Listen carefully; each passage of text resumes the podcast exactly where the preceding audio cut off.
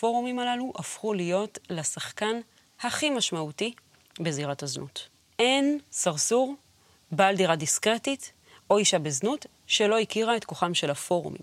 כל השחקנים בזירה יודעים שהם מדורגים, אז כמובן שזה משפיע, משפיע על כולם.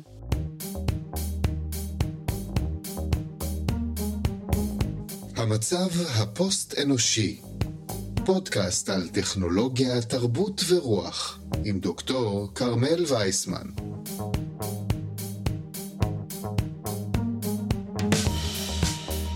שלום, אני כרמל וייסמן, והיום לפני שנה היה לנו פרק על מיניות וטכנולוגיה ויחסים עם רובוטים, שבו הזכרנו את האפשרות של החלפת עובדות מין ברובוטיות. בפרק הנוכחי נעסוק בתעשיית המין, ונבחן אילו שינויים הטכנולוגיה הדיגיטלית חוללה בה. האורחת שלנו היום היא האנתרופולוגית דוקטור יעלה להב רז. מרצה בכירה בחוג לסוציולוגיה ואנתרופולוגיה באוניברסיטת בן גוריון. חוקרת את הממשקים שבין פוליטיקה מגדרית ומינית, שינויים טכנולוגיים וסטייה חברתית. יחד נספר סיפור על אנושיות, קהילה ומסכים מכמה סוגים בתעשיית המין בישראל. אז בואו נתחיל. Go for deploy. יאלה להב רז כתבה את התזה שלה על כדורגל נשים בחברה הערבית. היא עשתה אתנוגרפיה בשטח, במגרשים. עניין אותי איך מגיעים מזה לכתוב דוקטורט על לקוחות זנות ומחליפים את המגרש באינטרנט. במסגרת אחד הקורסים אה, הייתי צריכה למצוא איזשהו ארגון חברתי ולהתנדב במשך חצי שנה לעשות עבודת שדה. ונורא רציתי להצטרף לניידות של עלם. והייתי צעירה מדי, ולא הרשו לי. אמרו לי, תשמעי, יש את דורית, היא מנהלת את הפרויקט שנקרא זרים בלילה, של נערים בזנות, אולי היא תהיה מוכנה לתת לך את האפשרות. ואז כשבחרתי לכתוב דוקטורט, לחזור לאקדמיה ולעשות דוקטורט, החלטתי שאני כותבת את הדוקטורט על בני נוער וצעירים שמעורבים בזנות. עשיתי עבודת שדה של שנתיים, ובמהלך עבודת השדה, למעשה היו שתי, שתי תקריות במרכאות שגרמו לי להבין שאני צריכה לשנות כיוון. הראשונה הייתה ששמתי לב שבמרכז יום שבו התנדבתי, אה, הרבה מאוד מהנערים והנערות דיברו על סקס אדיר, על פורטל אינטרנט שבו מדרגים אותם, ואת הביצועים המיניים שלהם ואת המפגש איתם. וזה המם אותי. אמרתי, איך, איך יכול להיות שדבר כזה קיים? זאת אומרת, ידעתי שבסדר, שאת הולכת לצימר, את מדרגת את ארוחת הבוקר, את איכות הסדינים וכדומה, אבל שאת מדרגת אה, חוויה מינית עם מישהו, זה באמת, אה, מה שנקרא, blow my mind. לזה הצטרפה חוויה אחרת, שלאורך השהות בערים בלילה הרגשתי שהידע שלי וההבנה שלי את הזנות נותרת מאוד סטרילית. זאת אומרת, אני פוגשת את הנערים ואת הנערות במרחב שהוא סגור ומוגן, אבל אני לא באמת מבינה מה עובר עליהם ברחוב. ואז החלטתי להצטרף אה, לניידת של לוינסקי, שסיירה אה, פעם בשבוע באזורי זנות. הייתי מאוד תמימה, אה, זה היה בקיץ, ובאופן אה, טבעי לבשתי ג'ינס, אה, חצאית מיני, ג'ינס וגופייה שחורה. והגעתי ב-12 בלילה לרחוב, לניידת. וכל מה שאני זוכרת, לא יבינו את זה בהקלטה, אבל כל מה שאני זוכרת זה המוני רכבים ותנועות של גברים עושים ככה. גברים שנוסעים ברחובות, זה יכול להיות אה, עם אה, כיסא בוסטר אה, או כאלה מדבקות של קומברס וכל חברות ההייטק ש, שאת לא רוצה, והם עוצרים, מתבוננים, מורידים את הראש, מרכינים את הראש ושואלים כמה. וסיימתי את המשמרת הזאת והתעוררתי בבוקר עם תנועת הראש הזאת. וזה יחד עם ההבנה של המרחבים המקוונים שבהם לקוחות מדרגים אה, חוויות מיניות, אמרתי, יש פה משהו שאני, שאני חייבת אה, להבין אותו לעומק. ועדת הדוקטורט אמרה לי, עזבי את הנערים ואת הנערות, מה שעשית יפה מאוד, שנתיים וכדומה, תתמקדי בלקוחות. כי באמת לא הייתה שום כתיבה אה, על לקוחות עד אז. והדוקטורט עצמו אה, מבוסס למעשה על שלוש שנים של אתנוגרפיה מקוונת. סקס אדיר היו הפורומים הכי גדולים, זאת אומרת, זה היה, שוב, זה תחת פורטל אינטרנט שמציע הרבה מאוד שירותים מיניים, אה, והיה לו 28 פורומים. ולמעשה הדוקטורט אה, עוסק בשלוש סוגיות או שאלות מרכזיות. הראשונה זה על מה גברים כותבים כשהם כותבים על החוויה המינית שלהם. איך נוצרת מתוך הדיווחים ומתוך ה setting הזה, איך נוצרת קהילה, ומה המשמעות של הקהילה. ומה ההשפעה של הקהילה על המרחב, או מה ההשפעה של המרחב המקוון על המרחב הלא מקוון. והשאלה השלישית הייתה איך נשים בזנות מגיבות על הדיווחים כלפיהן. האינטרנט של שנות התשעים, עם הפורומים וקהילות התמיכה הווירטואליות שלו, היה ברובו עולם של גברים. וזה יצר מצב תקדימי, שבו לקוחות זנות, שהם בדרך כלל יחידים, מבודדים, מבוישים, פועלים בדיסקרטיות, יכלו פתאום למצוא אלה את אלה ולייצר סוג חדש של קהילה. כזאת שלא הייתה מתאפשרת במרחב הפיזי. אם יש משהו שגיליתי לאורך השנים של הדוקטורט, זה הצורך המאוד גדול של גברים לדבר. דווקא על החוויה המינית. וגיליתי את זה לא רק דרך הפורומים, אלא מכיוון שלאורך כל השנים, ברגע שגברים שמעו שזה נושא הדוקטורט שלי, אז תמיד היה את הסיפור על החבר שלי, ואני שמעתי, והיו לי גם סיפורים וידועים של חברים קרובים ששיתפו אותי, כמה קשרים שנגמרו בגלל ההתוודויות האלה שלא לא היו במקום מותאם. אבל כן הבנתי מזה באמת את הצורך המאוד מאוד גדול של גברים לדבר על חוויה שהיא באמת בגדר טאבו. זו תופעה שהיא במידה רבה, יש לה לגיטימציה חברתית, גם אם בשתיקה. ויש תפיסה מאוד צלחנית על uh, מסיבות, uh, uh, מסיבות uh, רווקים ורווקות, וחשפנים וחשפניות, או שנוסעים לתאילנד וכדומה, אז תיירות מין. זאת אומרת, זה מתקיים באיזשהו מין אזור אפור שאנחנו יודעים לגביו, אנחנו לא כל כך יודעים, אנחנו שותקים לגביו, ודווקא מתוך השתיקה הזאת, ממה שאני ראיתי, מתפתח צורך נורא גדול לבוא ולדבר. ועל לבוא ולדבר, יש לו כמה מופעים. יש מחקר נורא מעניין של חוקרת שחקרה גברים במועדוני חשפנות. והיא חקרה את השיח ביניהם. זאת אומרת, האם גברים שהם הולכים כחבורה למועדון חשפנות, האם הם בכלל מדברים זה עם זה? והיא הראתה איך למעשה הדיבור על גופן של נשים זה הדרך שלהן לדבר אחד עם השני. אבל הם לא באמת מצליחים לייצר שיח אינטימי רגשי. את יודעת, זה נורא קל, אני מניחה מהצד, לבוא להגיד, טוב, נו, זה בטח חבורה של גברים, מי יודענו דונלד טראמפ שדיבר על זה, שיח המלתחות, אז הם מתרברבים ועל כיבושים מיניים. זה נוכח, אני לא אומרת שזה לא נוכח, אבל לצד זה גם נוכחים הרבה מאוד דברים אחרים. הרבה מאוד גברים דיברו דווקא על תחושות של אה, בושה ופגיעות. זאת אומרת, זה, זה ממש נוצרה קהילה שהיא קהילה תרפויטית, מעין קהילת תמיכה.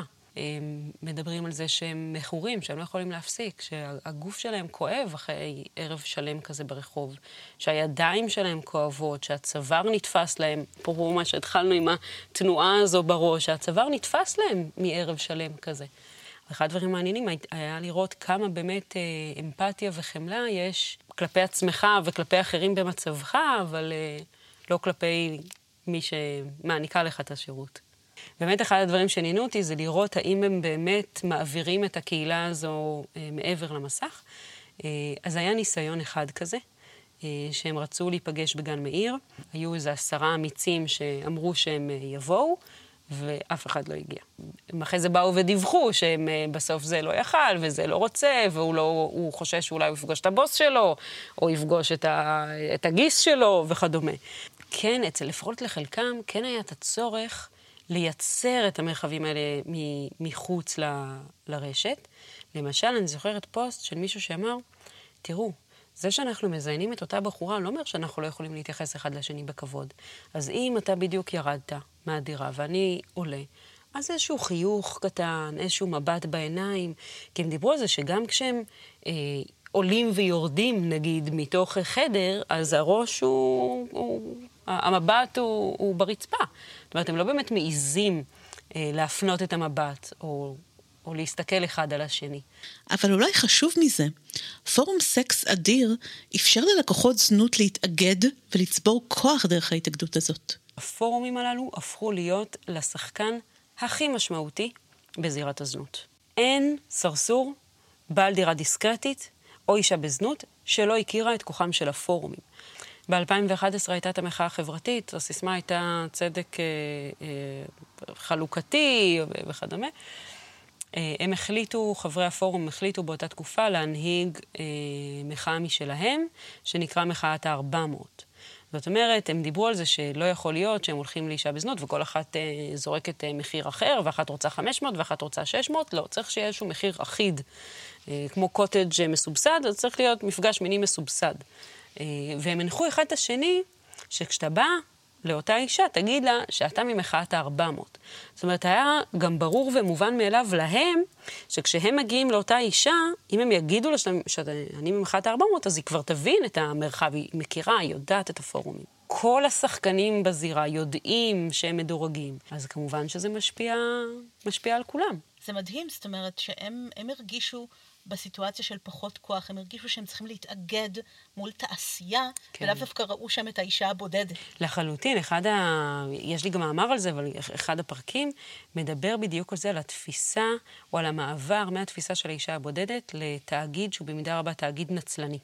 ולמול התאגיד הזה, הנצלני, אתה כלקוח, אתה זה שנסחט, שנעשק, שצריך עכשיו לייצר אה, אה, איזשהו כוח אה, קהילתי יחד איתך בשביל להתמודד מול התאגיד. מילה תאגיד, בשביל לתאר עובדות מין, התחילה מדירות בבת ים. מי שדומיננטי שם זה נשים אה, נסחרות, נשים מחו"ל. זה התחיל כדרך לתאר את אזור בת ים כתאגיד, זאת אומרת, יש סרסור וכדומה, יש מערך תפעולי שלם. ולאט לאט התפיסה הזאת עברה מהתאגיד הבת ימי ללראות כל אישה בזנות כתאגיד נצלני. עכשיו, כמובן שאם בתפיסה הפרטית של אותו גבר, אני זה שנעשק, אני זה שנסחט, אני זה שמנוצל, והיה אפילו אה, גבר שכתב שאני זה שעובר אונס, אז למולו, עצם ההתאגדות הקהילתית היא האקט המוסרי לעשות. ואחד הדברים באמת שאני מראה זה איך היפוך יחסי הכוחות שבו אתה החלש, אתה הפגוע, אתה הפגיע, אה, אתה זה שגזלו ממך אה, כסף וכדומה, הוא זה שמאפשר להם גם מצד אחד להמשיך לעשות מה שהם עושים בנוחות, והוא מאפשר להם להמשיך עם העיוורון שלא לראות את האישה.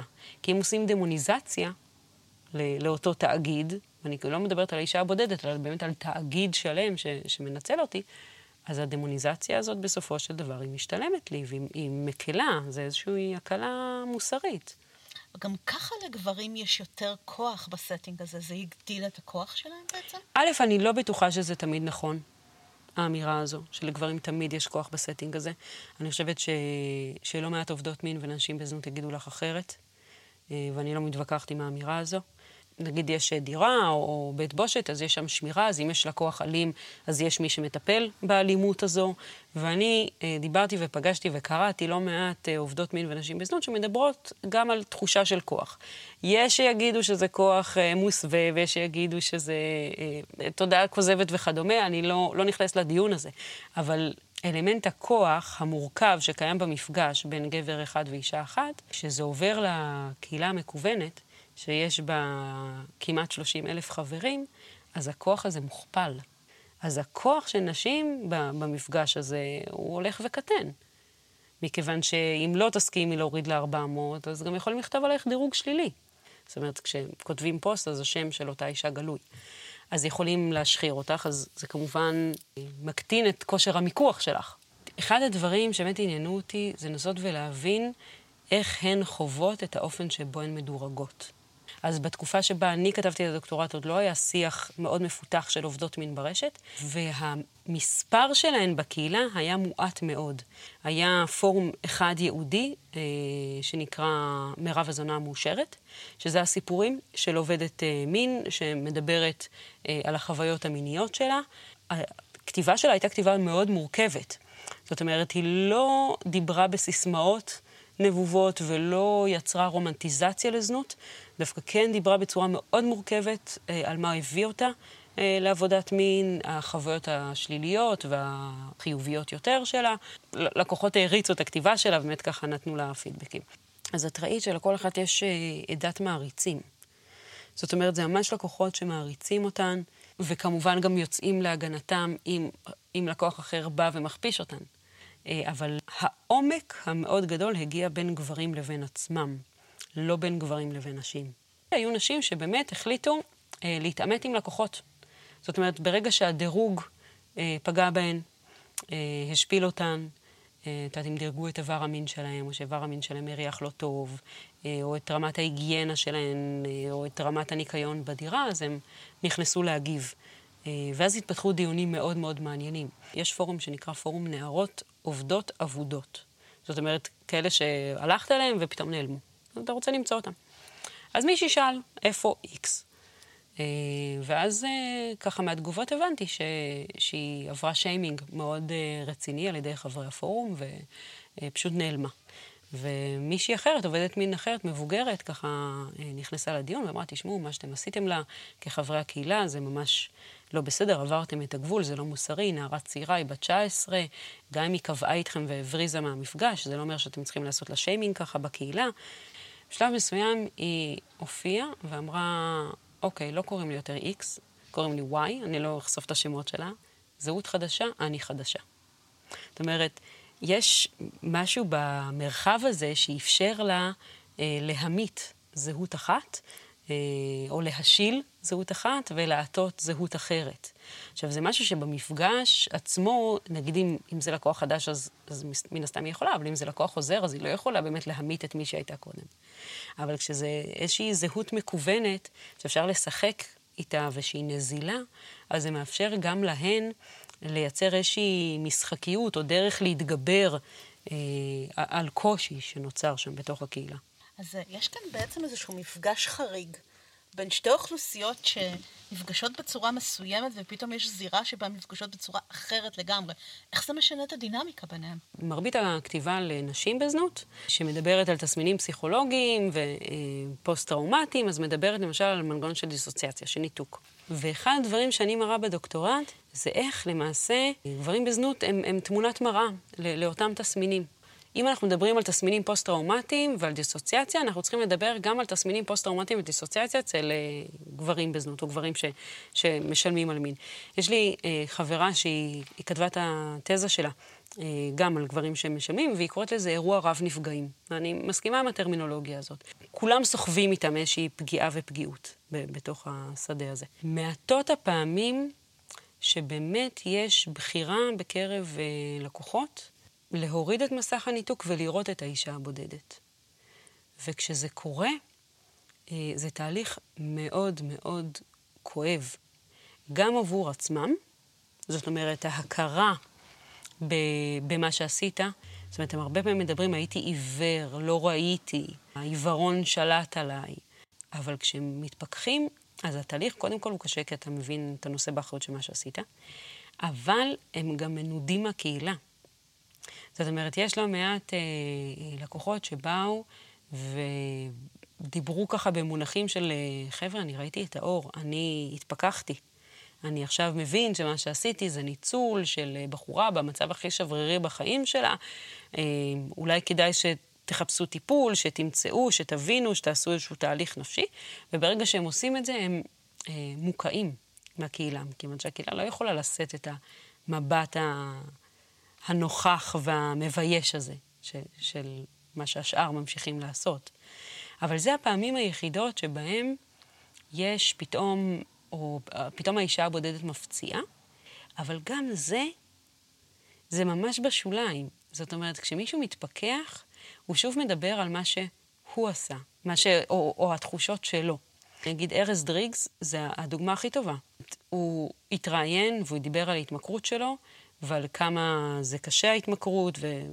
והסבל שהוא עובר בעקבות זה, אבל זה לא באמת מגיע מתוך איזושהי הכרה במי שעומדת מולך.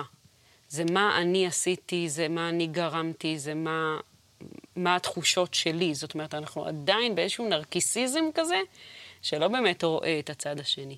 ואני חושבת שאם דיברנו קודם על המרחב המקוון, אז המרחב המקוון גם במידה רבה מייצר את זה. כי אם אני מדברת על מישהי, או מדברת עם מישהו מאחורי מסך, אז כמובן שאני, הרבה יותר קל לי לייצר את הניתוק.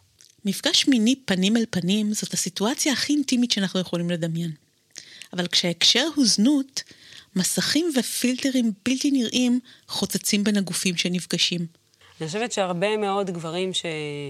את יודעת, שותפים לתעשיית המין, מדברים על זה שהרבה פעמים דווקא המפגש המיני זה רצון לברוח מאינטימיות. זאת אומרת, זה, סליחה רגע על, על הביטוי, אבל זה, זה ביטוי ש, שגבר אה, כתב, אני רוצה לאונן בתוך גוף חי. אז אנחנו יכולות להגיד, אוקיי, זה מזעזע אותי, זה דה-הומניזציה למי שאני, זה לראות בי ככלי קיבול. אבל עצם ההנחה שמה שכולנו רוצים זה לראות במפגש אה, מיני כמפגש אינטימי, אני חושבת שהיא לא נכונה. ואנחנו כולנו, אני בטוחה שאם נהיה כנים עם עצמנו, כולנו השתמשנו אי פעם במישהו, לשם משהו. זאת אומרת, אפילו אם אני הולכת ומשלמת, אז אני לפחות יודעת שזה לא מישהו שאני חייבת כאילו להעמיד בדיוק. פנים שאני רואה אותו כבן אדם. נכון. כאילו, הם מדברים על זה? בטח. מדברים בדרך כלל בין חמש לשבע מוטיבציות למה גברים משלמים על מין. אז מדברים למשל על אה, רצון לקיים יחסי מין אה, עם אישה בעלת מאפיינים ייחודיים, זה יכול להיות מאפיינים אתניים, גזעיים ו- וכדומה. זה יכול להיות אה, הרצון אה, לייצר אינטימיות תחומה, זאת אומרת מפגש אה, אה, מיני תחום בזמן, שבו אני לא צריכה לדאוג ללפני ולאחרי. אז זה למשל מוטיבציה נוספת. מוטיבציה אחרת היא שונה לחלוטין, היא אומרת, לא, גברים שלנו מין כי הם רוצים לברוח מאינטימיות. הם רוצים לבוא למישהי, לא להתייחס אליה כאל בן אדם, לא לראות את הצרכים שלה, להעמיד את הצרכים שלהם לפני הכל. זאת אומרת, לסיים את המפגש המיני וללכת. אני משלם למישהו על מנת שלא להתייחס אליו. במקום הזה אני ממש מבינה למה השוק הזה הולך לבתי בושת רובוטים. לא. וכאן אני, אני חלוקה עלייך, אני אגיד לך למה. מרבית הגברים שהם של המין כן רוצים את האשליה. והם דיברו על זה לא מעט בפורומים. חשוב לי לגרום לה ליהנות, או חשוב לי לחשוב שהיא נהנתה במפגש איתי. אגב, לאו דווקא בגלל שהם באמת רואים אותה כבן אדם, אלא כי זה דרך, יודעת, לתת צל"ש לעצמם, שהנה, הם אלה שהצליחו לגרום לאישה בזנות לגמור וכדומה.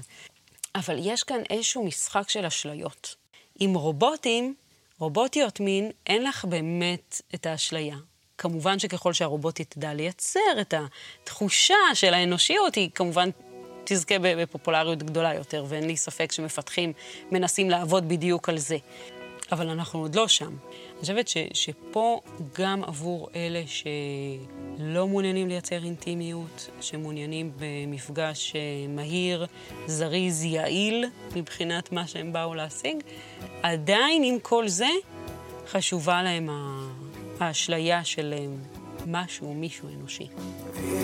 She goes with nothing on but her pride. Stick it sharp in your side and let it bleed deeply.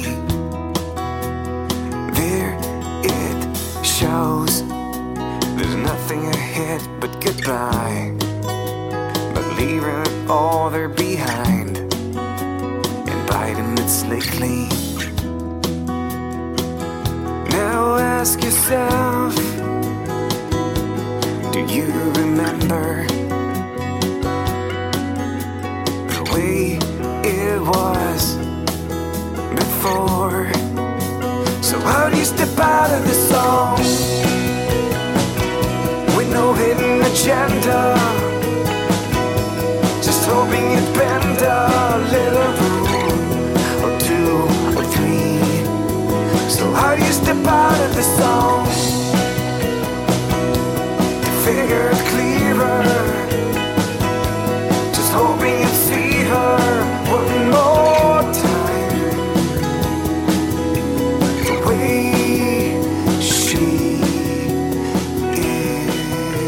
לנועם פלד על השיר The Way She Is. בסיום הדוקטורט, יעלה לא עזבה את הזירה. במחקרים הבאים שלה, היא המשיכה ללוות את ההתעוררות הקהילתיות וההתאגדות של הצד הנשי במשוואה הפעם, שמגיעה עשור מאוחר יותר. חקרתי את האקטיביזם המקוון אה, סביב הנושא של תעשיית המין בארץ, אה, גם של עובדות מין, גם של נשים שהתנגדו לתעשיית המין, והראיתי, דיברתי על, על, המקו, על המקום של המרחב המקוון ואיך הוא זה שיצר את המחאה ואת השינוי בשיח, אה, וגברים היום שמשלמים על מין נקראים זנאים, זאת אומרת, זה ממש שינוי שהתפתח ברשת. אז כבר בשנות ה-70 היו איגודים של עובדות מין, נשים שממש בחרו לקרוא לעצמם עובדות מין, יצאו כנגד פמיניזם רדיקלי, לא משנה. אה, בארץ זה כמעט ולא היה קיים. זאת אומרת, א', בכלל המונח של אה, עובדת מין לא היה שגור. אה, זה לרוב היה זונה או אישה בזנות. הטענה שלי, אפשר להתווכח איתה, אבל הטענה שלי זה שאם יש משהו שיצר את ההתעוררות הזו של עובדות מין, זה שילוב בין אה, תהליכי חקיקה לבין אה, תהליכים שקרו במרחב המקוון. וגם תהליכי החקיקה באופליין הושפעו הרבה מאוד ממה שקרה במרחב המקוון. בשנת 2014, טלי קורל, שהייתה אקטיביסטית, עבדה אה, בעמותת תודעה, הקימה דף פייסבוק שנקרא uh, When He Pays. זאת אומרת, בואו נראה על מה גברים כותבים כשהם כותבים על מין. עכשיו, היא לקחה את אותם, זאת אומרת, מה שאני ניתחתי, פשוט שמה as is. וזה יצר uh, סערה אדירה. זאת אומרת, בפעם הראשונה באמת הציבור הרחב נחשף uh, לשיח של גברים ברשת. ובעקבות הדף שלה קמו עוד עשרות דפים שזה היה אה, אה, באות לזנאים, קראו בעצם לפעילות מחוץ לרשת, בואו למועדון חשפנות להפגין כנגד, בואו לגבי גזית ז"ל, שאז דיבר כנגד אה, נשים בזנות, אז הפגינו נגדו. זאת אומרת, היו עוד כל מיני הפגנות נגד אישי ציבור. ראיינתי את מי ש... את האדמיניות ש... שפתחו, זה מה שאמרו. המטרה שלנו הייתה לתת רוח גבית לתהליכי החקיקה באותם שנים של חקיקה להפללת צרכני זנות. ואז הרשת, מ-2014 עד 2017, הייתה במידה רבה מאוד עוינת כלפי עובדות מין. זאת אומרת, עובדות מין לא באמת מצאו את עצמן בשיח הזה, חשפניות וכדומה, אז היה גם את החוק אה, אה, לאסור על מועדוני חשפנות ולראות ב lap dance כמעשה של זנות. וב-2017, ארבע עובדות מין אה, אמיצות החליטו שהן, אה, אוקיי, אם יש when he pays, אה, אז גם יש when she works. והקימו את When She Works. זאת אומרת, עכשיו, אוקיי, אז בואו תשמעו אותי, בסדר? שמעתם גברים, שמעתם על מה מדברים, עכשיו בואו תשמעו את החוויות שלי. באמת הצליחו לייצר שיח מאוד מורכב, שבאמת גם הוא לא עשה רומנטיזציה אה, לזנות ולעבודת מין, ודיבר על, על מורכבויות. אה, ובעקבות הדף הזה וה, והשיח שלהם ברשת נוצר גם אה, ארגון ארגמן, אה, ארגון נשים עובדות, הראשון בישראל שבאמת יצא לאור, ככה בגלוי, ובמבחן התוצאה הם לא הצליחו לשנות את החוק, זאת אומרת, החקיקה עברה, אבל אין לי ספק שהשיח ברשת יצר תפיסה מורכבת יותר אה, כלפי התעשייה הזו. תקופת הקורונה הייתה מכה קשה לתעשיות שמבוססות על המרחב הפיזי. אמנם תעשיית המין המקוון פרחה, אבל לרוב מדובר בנשים שונות לחלוטין. מעטות הן הנשים שיכולות לעשות מעבר מהרחוב לאינטרנט ככה. הקורונה השפיעה בצורה דרמטית, מכיוון שנשים נותרו באחת ללא תעסוקה. מכונים נסגרו, מועדוני חשפנות נסגרו, והנשים הללו לרוב לא זכאיות לקבל אה, הבטחת הכנסה. הן לא מספרות לאף אחד שהן אה, בזנות, זאת אומרת, זנות זה לא מקצוע בארץ שאת יכולה לבוא ולהגיד, טוב, אני צריכה עכשיו לחתום אבטלה. אז הן מנועות גם אה, מלהגיש אה, בקשות לעזרה וסיוע. אין לך מאיפה להכיל את, את יודעת, הילדים שלך ואת עצמך ואת המשפחה שלך ושכר דירה. זו סיטואציה מאוד מאוד קשה ומאוד דרמטית ומאוד טראומטית. בעולם יש לא מעט עדויות על זה. יש ממש מחקר שהראה כבר מספרית שהייתה ממש הגירה למרחב המקוון. אמ, אני, אחת הנשים שראיינתי, דיברה על זה שהיא יודעת שחלק מהחברות שלה עברו למרחב המקוון, אבל היא אמרה, גם לא לכל אחד זה מתאים. א', את צריכה facilities, שזה לא משהו ש, שיש לכולם, ב', את צריכה אה, מרחב בבית שיאפשר לך לעשות את זה, ואם את מטופלת בילדים קטנים או בבן זוג וכדומה, אז את לא יכולה עכשיו לעשות אה, סשן של אה, מצלמות, או הן חוששות מהיעדר האנונימיות דווקא. זאת אומרת שפתאום הם יכולים אה, להשתמש בזה, להקליט את המפגש ללא ידיעתך, להפיץ את זה. יש משהו גם מגן במפגש אחד על אחד. בארץ, לפחות מספרית, מה שאנחנו יודעות, לא, לא הרבה עברו למרחב המקוון. זה מאוד מעניין לחשוב על מפגש פנים אל פנים כעל סוג של אנונימיות. נכון. ביחס לרשת. נכון. כן. עכשיו, את יודעת, יש דרכים, מכירה אה, שנשים ששמות אה, כמובן איזושהי מסכה וכדומה, אבל... פילטרים. או פילטרים, נכון, בזום. אבל עדיין התפיסה שלהם זה שיש משהו קצת פרוץ במרחב הזה. מצד שני, הוא גם כן אפשר לנשים, שזה פחות העיסוק שלנו, אבל אפשר לנשים גם אפשרויות תעסוקה מגוונות יותר, והוא גם כן אפשר להם אפשרויות אה, לעסוק בתעשיית המין מבלי להיפגש פיזית. מה שכמובן מגדיל את הביטחון שלהם. דווקא במרחב המקוון יש יכולת לייצר מגוון מאוד גדול של אה, נגיד מנגנוני שמירה ופיקוח. אני לא יודעת אם זה קיים בארץ, אבל למשל ברחבי העולם, אז יש מה שנקרא blacklist של עובדות מין, שמזהירות אחת את השנייה מלקוח שהוא לקוח אלים. ויש קהילות שלמות שפועלות ברשת של עובדות מין שמשתפות אחת את השנייה, בין אם זה, את יודעת, בעצות רפואיות ובעצות על איך לייצר עבודת מין בטוחה. סוגים שונים של, של עבודת מין, זה יכול להיות מצלמות רשת, זה יכול להיות פון קורס, אה, זה יכול להיות אונלי פנס, נגיד עכשיו, זה... זאת אומרת, יש הרבה מאוד אפשרויות שהמרחב המקוון אה, יצר. אני מניחה שגם השיח הזה שיש עכשיו, ויש כבר בתי, בתי בושת רובוטים וכולי, נכון. אני מניחה שזה עוד איום בעצם על ה... שוב, יש פה את העניין המורכב, שאנחנו מצילים נשים מסחר בנשים ומניצול, אבל הרובוטים לוקחים להם נכון, את העבודה. נכון, נכון. יש התייחסות לזה? בארץ אני לא שמעתי התייחסות, הייתי שנתיים באנגליה, ושם כן יש אה, אה, מחקר על זה. דווקא שם יש פתאום איזה מין נקודת חיבור והסכמה בין עובדות מין, שרוצות להמשיך להיות עובדות מין, לבין פמיניסטיות שמאוד מתנגדות לכל הנושא של רובוטיות. אה, ובתי בושת אה, רובוטים, דווקא מכיוון שהן טוענות שזה מייצר עוד הכפלה של דה-הומניזציה כלפי אה, נשים בשר ודם.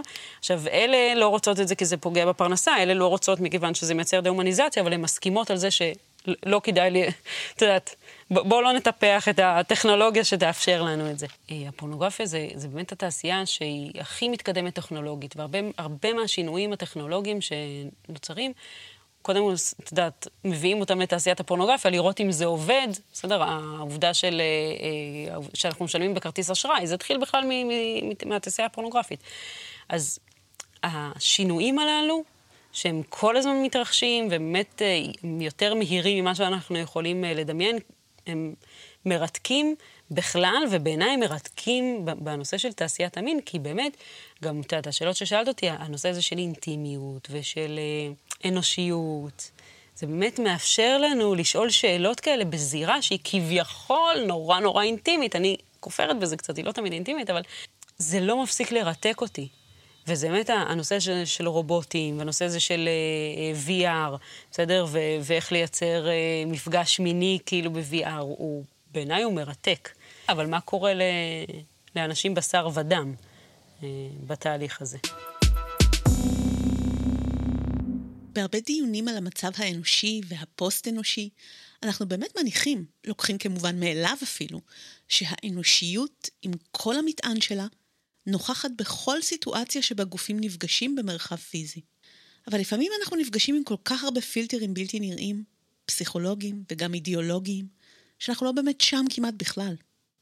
ובאופן אירוני, צריך דווקא תיווך טכנולוגי כדי לשים שם את הלב ולטעון באנושיות מרחבים שבהם הגוף לא מסוגל להכיל אותה. אבל לתיווך הטכנולוגי יש איכות של חרב פיפיות. בהיותנו לבד מול מסך, גם כשהלב נשפך החוצה זה מרגיש בינינו לבין עצמנו. הזולת הוא רק דמות בראשי, והמסך משקף לי אותי ומחזיר אותי לעצמי במהלך נרקיסיסטי.